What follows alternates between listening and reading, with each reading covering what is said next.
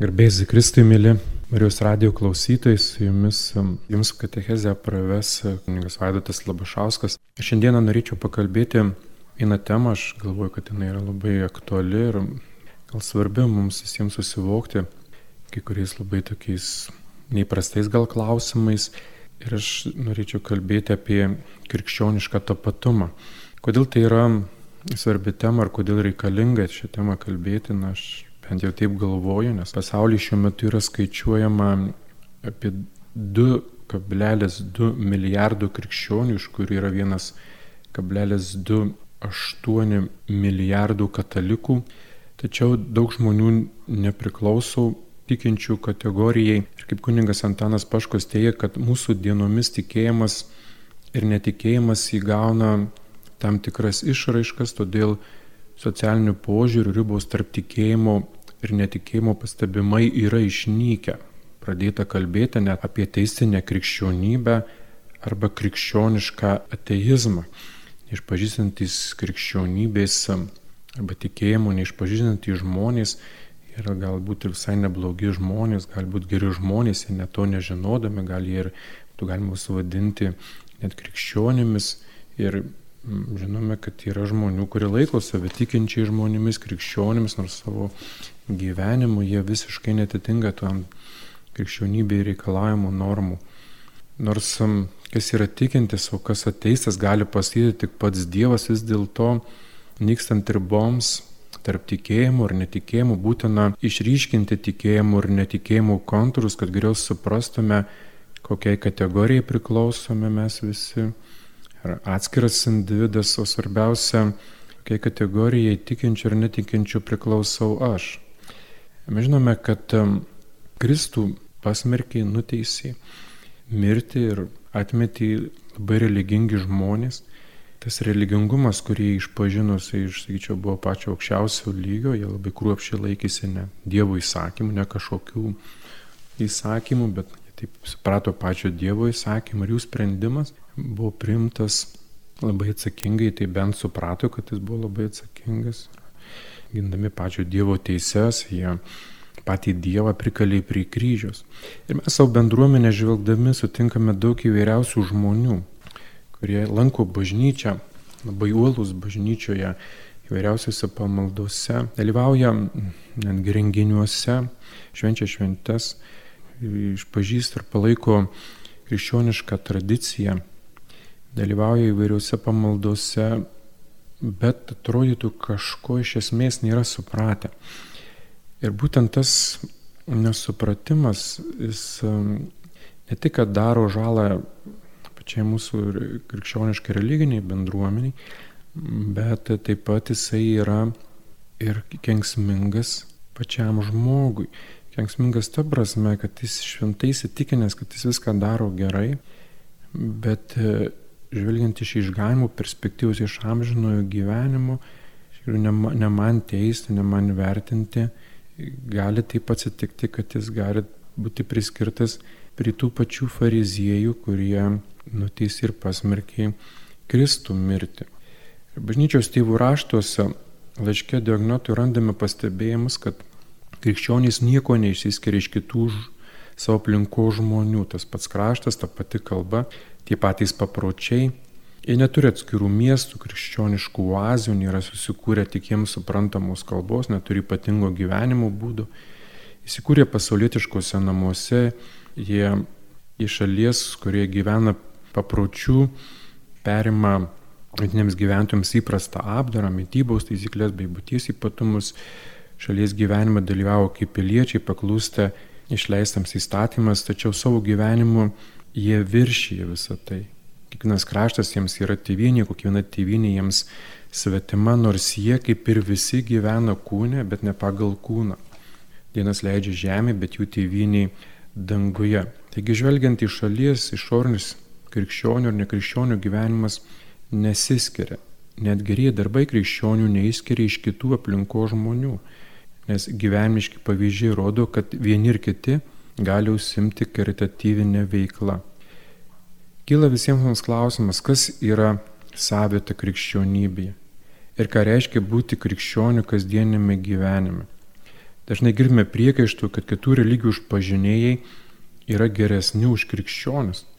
Gal visai ir neverta būti krikščioniu, gal užtenka būti geru žmogumi ir jau būsi krikščioniu.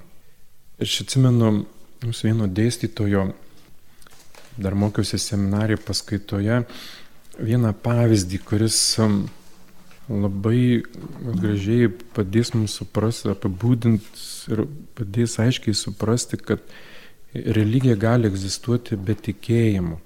Tikėjimas neegzistuoja be religijos. Religija yra tikėjimų išraiška, bet religija gali egzistuoti be tikėjimo ir jisai mums davė tokį pavyzdį būtent apie komunizmą. Sako, žiūrėk, pažiūrėkime, kaip komunizmų užpažinėjai ir dar komunizmas yra panašus į katalikų religiją. Aišku, čia tokia ironija, galbūt um, nebūtinai tai turėtume priimti pažodžiui raidiškai tą jau paskeltą hipotezę, tai arba tiesą, bet jeigu mes lygintume komunistinės, komunizmo kaip ideologijos išraišką ar krikščionišką arba katalikišką išraišką, mes pamatytume, kad kaip mes turime švenčiausią, sako, trejybę, taip ir komunistai na, čia jis ironizavo, sako, turi švenčiausiai trejybę.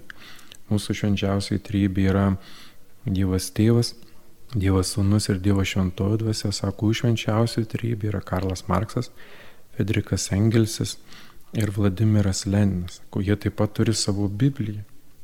Raštus, kuriais jie vadovavosi, kurie grindžia savo ideologiją, savo tiesą, sako, mūsų yra Šventas raštas Biblija jų yra Markso parašytas gal sužus veikalas kapitalas. Net Galenino raštą mes galėtume įvardyti kaip tam tikras komentaras. Kaip ir mes turime daug įvairiausių komentarų, kurie mums aiškina Bibliją, pritaiko ją Dievo žodį kasdieniam gyvenimui, taip ir Lenino ir kitų garsių komunistų raštai buvo kaip tam tikri komentarai, tas tiesas komunistas pritaikantis, gal neslaika teisingai, ne pagal tų pradininkų norus, tengiantis kasdieniam gyvenimui. Mes turime šventųjų kultą, kultą turime labai, reiškim, didelę pagarbą savo šventiesiems, jais gėrimės. Taip pat ir komunizmas turėjo savo šventųjų kultą. Taip jie turėjo savo numylėtinius asmenius, tiems, kuriems jauti šventą pagarbą, ar mes anksčiau kabinetai, mokyklų sienos buvo nukabinėtos įvairiausiais didvyriais, kurie kovojo už komunistinės idėjas, Priime, kiek daug buvo įvairiausių Lenino paminklų, kiek daug kitų komunistų paminklų, kurie žuvo, kurie kentėjo dėl ideologijos, dėl tiesos, kurią jie skelbė. Ir nebandy kažką blogo apie juos pasakyti, nebandy kaip nors iš jų pasijungti, pasityčio, tai buvo didžiausia šventvagystė. Ir kiek daug įvairiausių plakatų, kiek daug buvo įvairiausių paveikslų su, su jų atvaizdais ir jie buvo kabinami visur, visur statomi ir visokiose vietose buvo pagarbiai laikomi. Mes turime viskupų sinodus, viskupai renkasi įvairiausias aptarti įvairiausių reikalų, aptarti esamos situacijos ir jie turėjo savo sinodus, penkmečio įvairiausias aptarimus, nuveiktų darbų įvertinimus ir susirinkimai būdavo labai jiems svarbus ir reikalingi, kaip ir mums svarbus, mūsų viskupams svarbus tie nami sinodai. Mes turime gerus darbus, geri darbai yra labai svarbus dalykas, be gerų darbų neegzistuoja tikėjimas, mes sakom, tikėjimų išraiška yra geri darbai, bet žiūrėkime ir komunistai ideologija, kiek buvo daug skiriama dėmesio geriems darbams. Pionieriai rinktų metalo laužą, komienuoliai vykdavo tiesti į Sibirą geležinkelio, daug filmų, filmukų įvairiausių buvo sukurta ir vaikams animacinių filmų, daug meninių filmų apie pasiaukojimą, apie gerus darbus pagyvenusiems žmonėms, apie sažiningumą, atsakomybę. Realybėje gal tie dalykai neegzistuodavo, bet geri darbai buvo labai svarbus dalykas, kuriuo buvo grindžiama ši ideologija. Mes turime neklaidingumo dovaną. Bažnyčia yra neklaidinga, popiežius yra neklaidinga dogma, neklaidingumo dogma. Ir komunistų partija turėjo neklaidingumo do, dogmą. Partija visada yra teisi. Partijos iškeltos tiesos niekada nebuvo diskutuojamos, nebuvo pati teisingiausia, net toks pasakymas, o partija, partija, ji visada teisi. Taip pat komunizmas turėjo ir savo eskatologinę viziją, kaip ir bažnyčia yra eskatologinė vizija, kurią mes įvardame kaip paskutiniai laikai, kada įsipildys visos mūsų svajonės, kada nebebus blogo, kada blogas bus nugalėtas, kada mes būsime amžinybėje. Mes visi keliaujame į tikslą, į amžinai gyvenimą, kuriame nebebus blogo, mirties, kančios ir nuodėmis. Taip pat ir komunizmas turėjo savo eskatologinę viziją.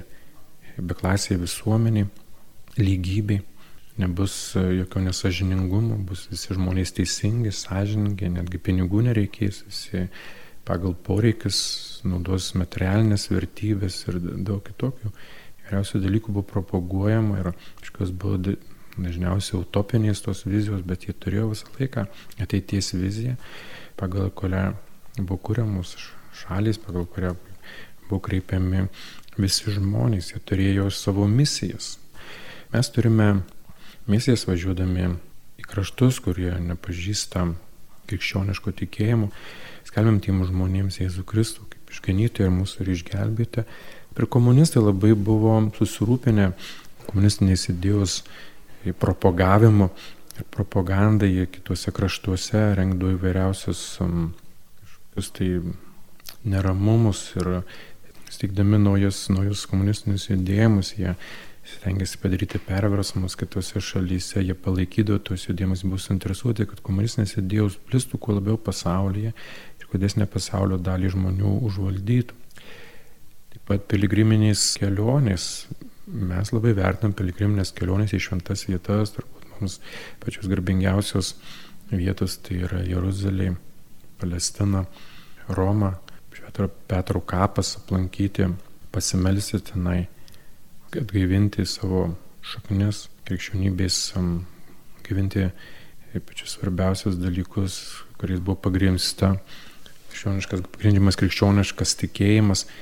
Taip ir komunistinėje ideologija, komunistinėje santvarkoje komunizme taip pat yra tokius, kaip mes įvardinam, irgi piligriminės kelionės. Visi važiuojėdavo į Maskvą, aplankyti Lenino kapą. Prisiminkime, kokios nusidriekę eilės būdavo prie Lenino mauzolėjaus žmonės e, aplankė Maskvą, būtinai turėdavo aplankyti ir Lenino mauzolėjų, kur buvo paguldyti, pašarvoti laikomi Lenino palaikai ir visas kitas vietas, kurios buvo svarbios, reikalingos stiprinti komunistiniai ideologijai.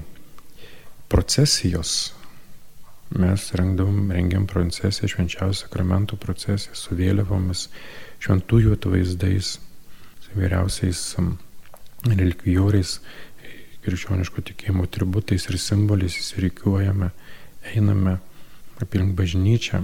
Kitos procesijos eina gatvėmis, pažiūrėkime, kuriuose šalyse labai giliai religingose, partijos renkiamos gatvėse, Žmonės eina masiškai susirinkę, dalyvauja juose, teikia pagarbą nešamiems dalykams, švenčiausiam sakramentui.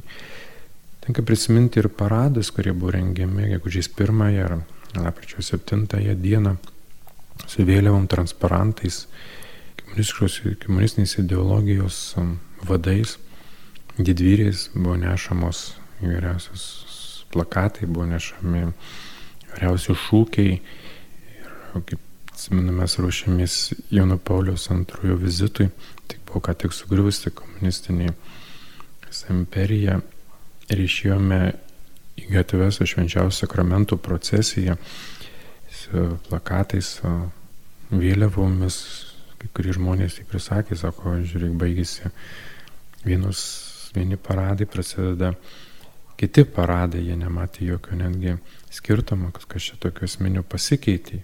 Aišku, Tik tikinti žmogus suvokia, kas iš realiai pasikeitė. Taip pat ir komunistinės ideologijos išplitimas labai yra panašus kaip ir krikščioniškos, krikščioniško tikėjimo išplitimas. Komunistus persekiojo kai kuriuose kraštuose. Ir mes matome, kad tikrai ta partija net buvo uždraudžiama. Ir kai Marksas mirė, jo laidose dalyvavo gal tik dešimt žmonių, bet jau po šimto metų komunizmas turėjo milijoną pasiekėjų, buvo milijonas komunistų partijos narių. Ir mirė Kristus ant kryžiaus, mes matome, buvo tik gal penki žmonės po kryžiumi, bet po šimto, po dviejų šimtų, po trijų šimtų metų, ta religija buvo persiekama, jinai labai plito pasaulyje, plito tuometinėme antikinėme pasaulyje ir išplėtimus labai panašus buvo kaip ir krikščioniškos ideologijos, aišku, viena buvo laiminama Dievo, kita neaišku, kokiu jėgu, ir mes suprantame, jeigu tai jėgu buvo tai laimė, bet vis tiek pats jos vystimasis ir labai buvo labai panašus kaip ir krikščioniškasis tikėjimas. Tikrai nenoriu nieko jausmų užgausti ir galbūt toks drastiškas čia yra mano pareiškimas, bet aš tik tai norėjau pasakyti, kad um, religija arba religinės apraiškos gali egzistuoti be tikėjimo. Ir kada mes kalbam apie milijonus, apie milijardus tikinčiųjų, na mes negalime pasverti kiekvieno žmogaus tikėjimu, bet žvelgdami ir šalia esančių žmonės kartais mus stebina kai kurių žmonių elgesys, bet ne todėl, kad mes norime juos pasiverkti, nuteisti, bet tas religingumas būna daugiau tik tai išorinis. Ir kartais tenka pripažinti, kad žmonės labiau myli religiją nei patį Dievą. Jaučia didelius sentimentus religiniam dalykam, bet kaip pareikalauja kažkokių iš jų nusižeminimų, pareikalauja kažkokių mirimų savo, arba kaip atsitinka gyvenime kažkokie sunkumai, išbandymai, visas tas tikėjimas vadinamas jų kažkur tai dinksta, kažkur prapuola. Ir tikrai mano katechezija jinai nėra tam, kad sukritikuoti žmogų, bet mes nuolat esame kelionėje. Tikinti žmonės yra nuolatinėje kelionėje. Nuolat kviečiami daryti sąžinį sąskaitą, nuolat kviečiami aukti tikėjimą. Turbūt nieko nėra baisiau tikėjime kaip drungnumas. Net pats pati prieškimo knyga Naujajame testamente, šventajame rašte sako, jeigu tu būtum karštas ar šaltas, bet kadangi tu esi drungnas, aš tai išspjausiu iš savo burnos, kad Dievas labai, na, griežtai vertina drungnumą, nesugebėjimą užsiengažuoti, nebuvimą tos ugnies, kaip ir popiežius Benediktas XVI yra įvardinęs ir pasakęs, kad ko labiausiai trūksta šiandieniams krikščionims pasaulyje, trūksta ugnies. Ir vienoje meditacijoje apie sėkminių iškilmę, kasmetinį šventosios dvasios pirmojo įsileimo dažnai laikoma bažnyčios gimimų šventimą, Josefas Ratzingeris, Benediktas XVI rašo, kad šventosios, šventoji dvasia yra ugnis. Kas nenori būti nudegintas, neturėtų prie jos artintis. Tačiau Ratzingeris primena nebiblinį Jėzaus pasakymą perduotą trečio amžiaus Aleksandrijos teologo Origeno, kas yra arti manęs, sako Jėzus, sako Jėzus. Tas yra arti ugnies, viešpaties maksima, artima posakiu iš Evangelijos. Aš atėjau žiepti žemį ugnies ir taip norėčiau, kad jį jau liepsnotų. Ši ugnis, tęsia Rasingeris, yra nepakartojama santykių tarp Kristaus, šventosios dvasios ir bažnyčios dalis. Žiūrėjau, tikėjimas, kuris kelbė bažnyčią, jisai yra didžiuliai vertybė, bet daugelis neišgyveno kaip didelės vertybės. Ir ne man teisti, ne man vertinti žmonių tikėjimą, bet pasimatuoti visą laiką yra labai svarbu. Ir krikščionis nuo kitų skiriasi ne išoriniais darbais, bet tuo, kad jis visa savo esybė tiki Jėzų iš Nazareto. Krikščionybė yra asmenis pasirinkimas, kai žmogus aiškiai suvokęs Dievo buvimą, su lūpomis ir darbais išpažįsta Jėzų Kristų kaip savo atpirkėją. Krikščionis gali daryti tą patį, ką ir nekrikščionis, bet jo pasaulyje žiūra, geri darbai ir gyvenimo prasme yra apspręsti šio asmeninių pasirinkimų. Teologas Hansas Kiungas savo knygoje Buvimas krikščionių įskiria keturias krikščionių gyvenimų kolonas. Ne visa, kas teisinga, gera, gražu ir humaniška yra krikščioniška. Niekas negali paneigti ir šalia krikščionybės esama tiesos, gėrio, grožio ir humaniškumo. Tačiau pagrįstai vadinti krikščionišką galima tik tai, kas teorijoje ir praktikoje aiškiai siejama su Jėzumi Kristumi. Ne kiekvienas teisingų pažiūrų, nuoširdaus tikėjimo ir geros valios žmogus yra krikščionis.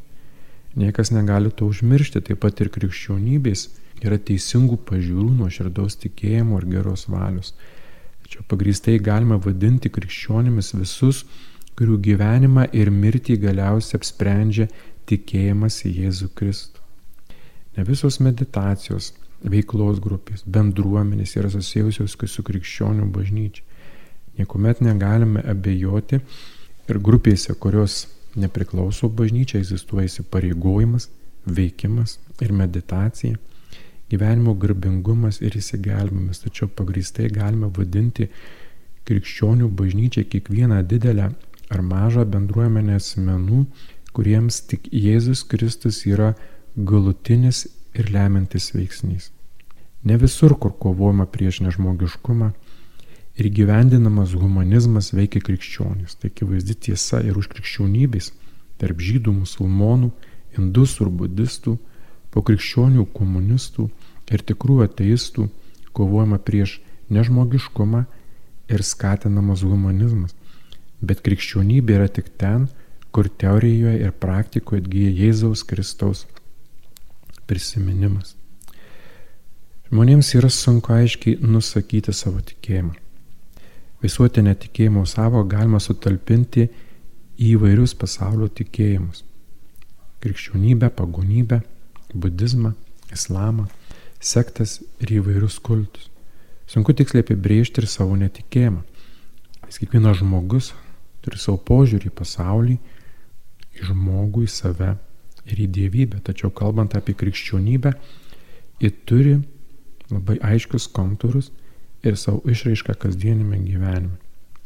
Šiuo atveju autentiško krikščioniško tikėjimo galutinis tikslas yra ne kokia nors žmogiška vertybė, kad yra aukščiausia, bet pats įsikūnijęs Dievas.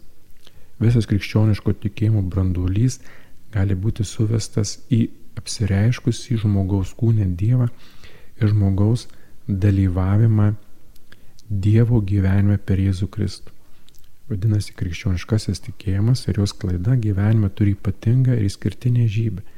Žymė, čia susitinka du mylintys asmenį. Dieviškasis asmuo Jėzus Kristus ir žmogiškasis asmuo žmogus. Kodėl aš kalbu tą temą, kodėl man taip svarbu kalbėti tą temą. Kaip kuniui, kaip ganytojui, Nes šiandieniniai sekuliarioje visuomenėje mes vis dažniau ir dažniau, postmodernioje visuomenėje girdime pasakymus, kad nesvarbu, kad tikėjimą, religiją žmogus išpažįsta, svarbus yra geras žmogus, o visi keliai yra geri, nors yra skirtingi, bet jie veda į tą patį Dievą. Labai dažnai, na, krikščionybė suvedama tik tai į dešimt Dievo įsakymų Užtenka laikytis dešimties Dievo sakymų ir tu jau esi geras krikščionis.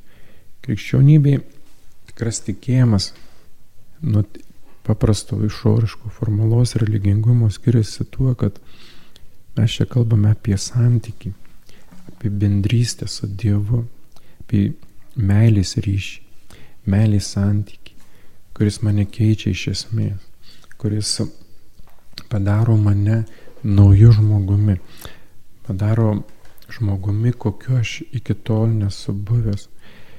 Kartais žmonės, jeigu jie visą gyvenimą buvo religingi, visą gyvenimą lankė bažnyčią, tai kaip ir ta vidinė transformacija, vidinis pasikeitinimas, atsinaujinimas šventojoje dvasioje jiems kaip ir nereikalingas.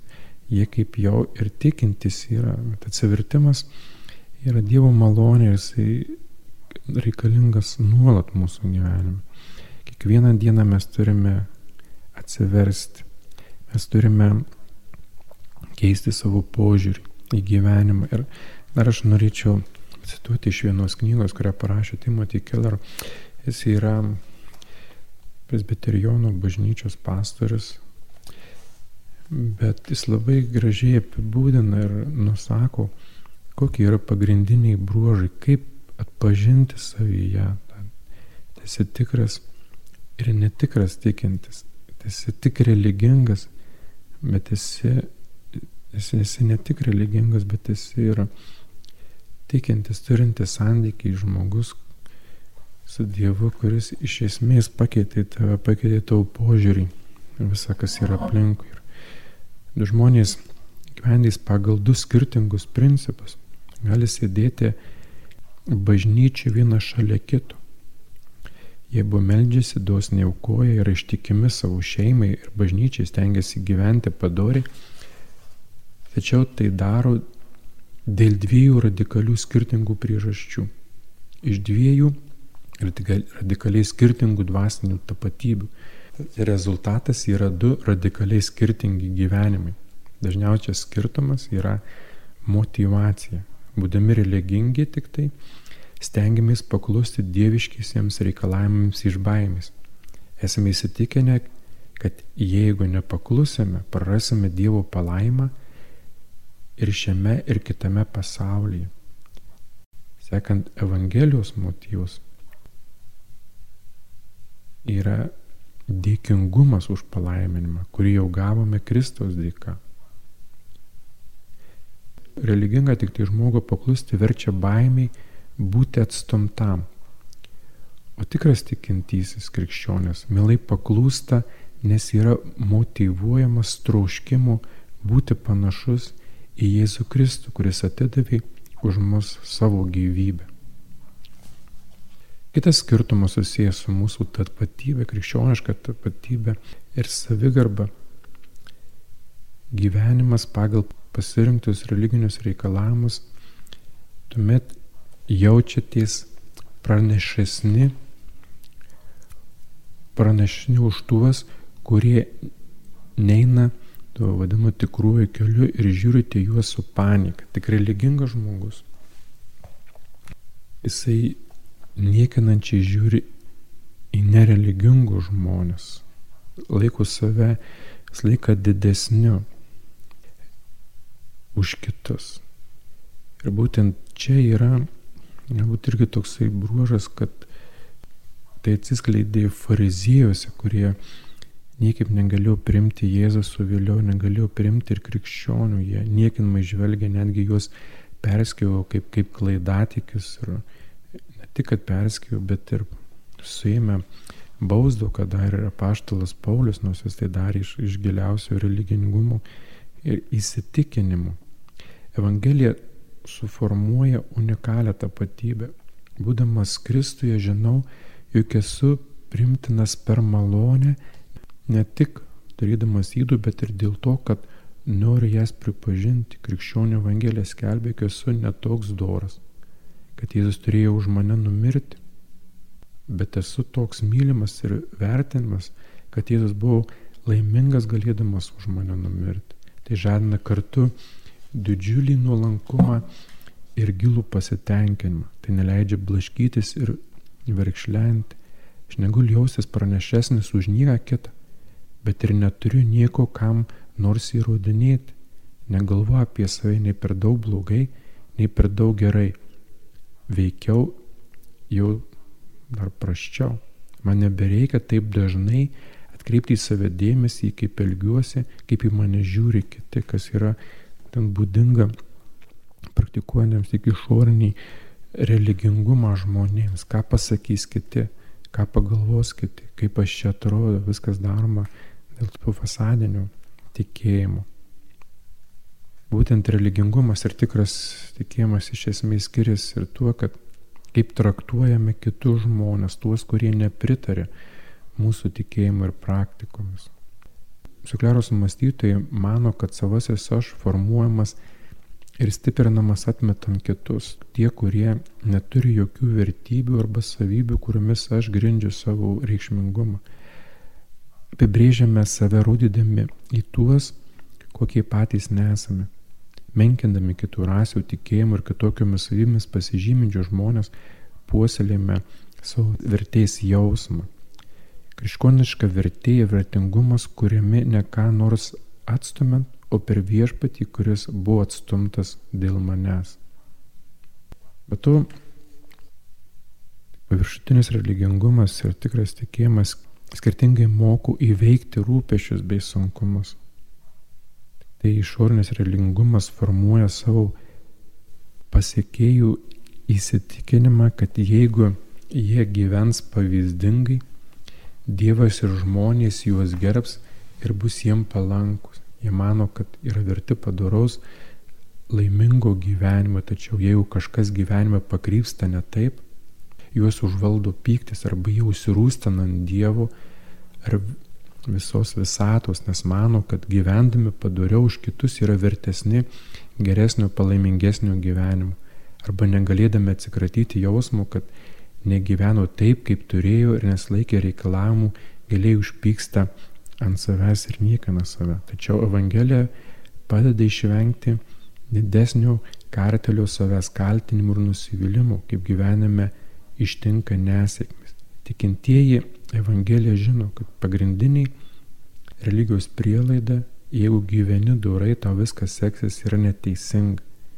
Jėzus buvo moraliausias žmogus, iš kada nors gyvenusių. Tačiau jo gyvenimas buvo kupinas skurdo, atstumimo, neteisybės ir net kančios. Šie keli bruožai gal mums padės susivokti savyje, atpažinti, jis yra ne taip, bet tikėjime santykis su Kristumi yra labai svarbus ir būtinas dalykas. Kaip aš kalbėjau apie komunizmą, norėjau pabrėžti ir įvardyti, kad religija be Dievo gali egzistuoti. Bet tikėjimas be religijos niekada ir kad aš atpažinčiau, kad esu tikintis, kuris gyvenu tikrai pagal Dievo valią, kurio religingumas yra teisingas. Aš tuos tokius skirtumus, tuos bruožus norėjau įvardinti, juos prabrėžti, kad mes nuolat būdėtume ne tik dėl savo išganimo, bet taip pat ir būtume kviečiama Kristaus, norima Kristaus druska ir pasaulio šviesa.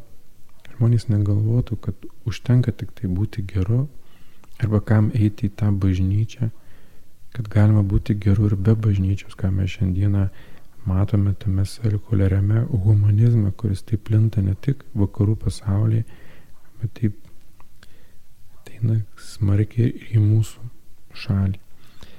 Dėl padėkime, nebūkime drungni, atsiverskime, atraskime santykiai su Dievu, kad pažintume tikrąjį Dievą, kuris pirmas pamilo mus ir kuris reikalauja visos mūsų širties ne dalelės, ne kažkokios dešimtos dalies, bet kuris reikalauja iš mūsų arba nori, kad ir mes jį mylėtume visą savo širdimis. Jums katecheze pravedė kuningas Vaidas Labašauskas. Nežinau, kaip man tai pavyko padaryti, bet aš labai norėjau pakalbėti apie krikščionišką tapatumą, kad mes suvoktume iš tikrųjų, kad kas besikeistų, kokia aplinka bebūtų, jeigu tu esi tikras krikščionis, tikintis tau, jokios permainos pasaulyje nepadarys įtakos, priešingai tu dar labiau stiprėsi ir auksi tikėjime ir niekada nebejosi, kad galbūt pasirinkai ne tą kelią. Amen.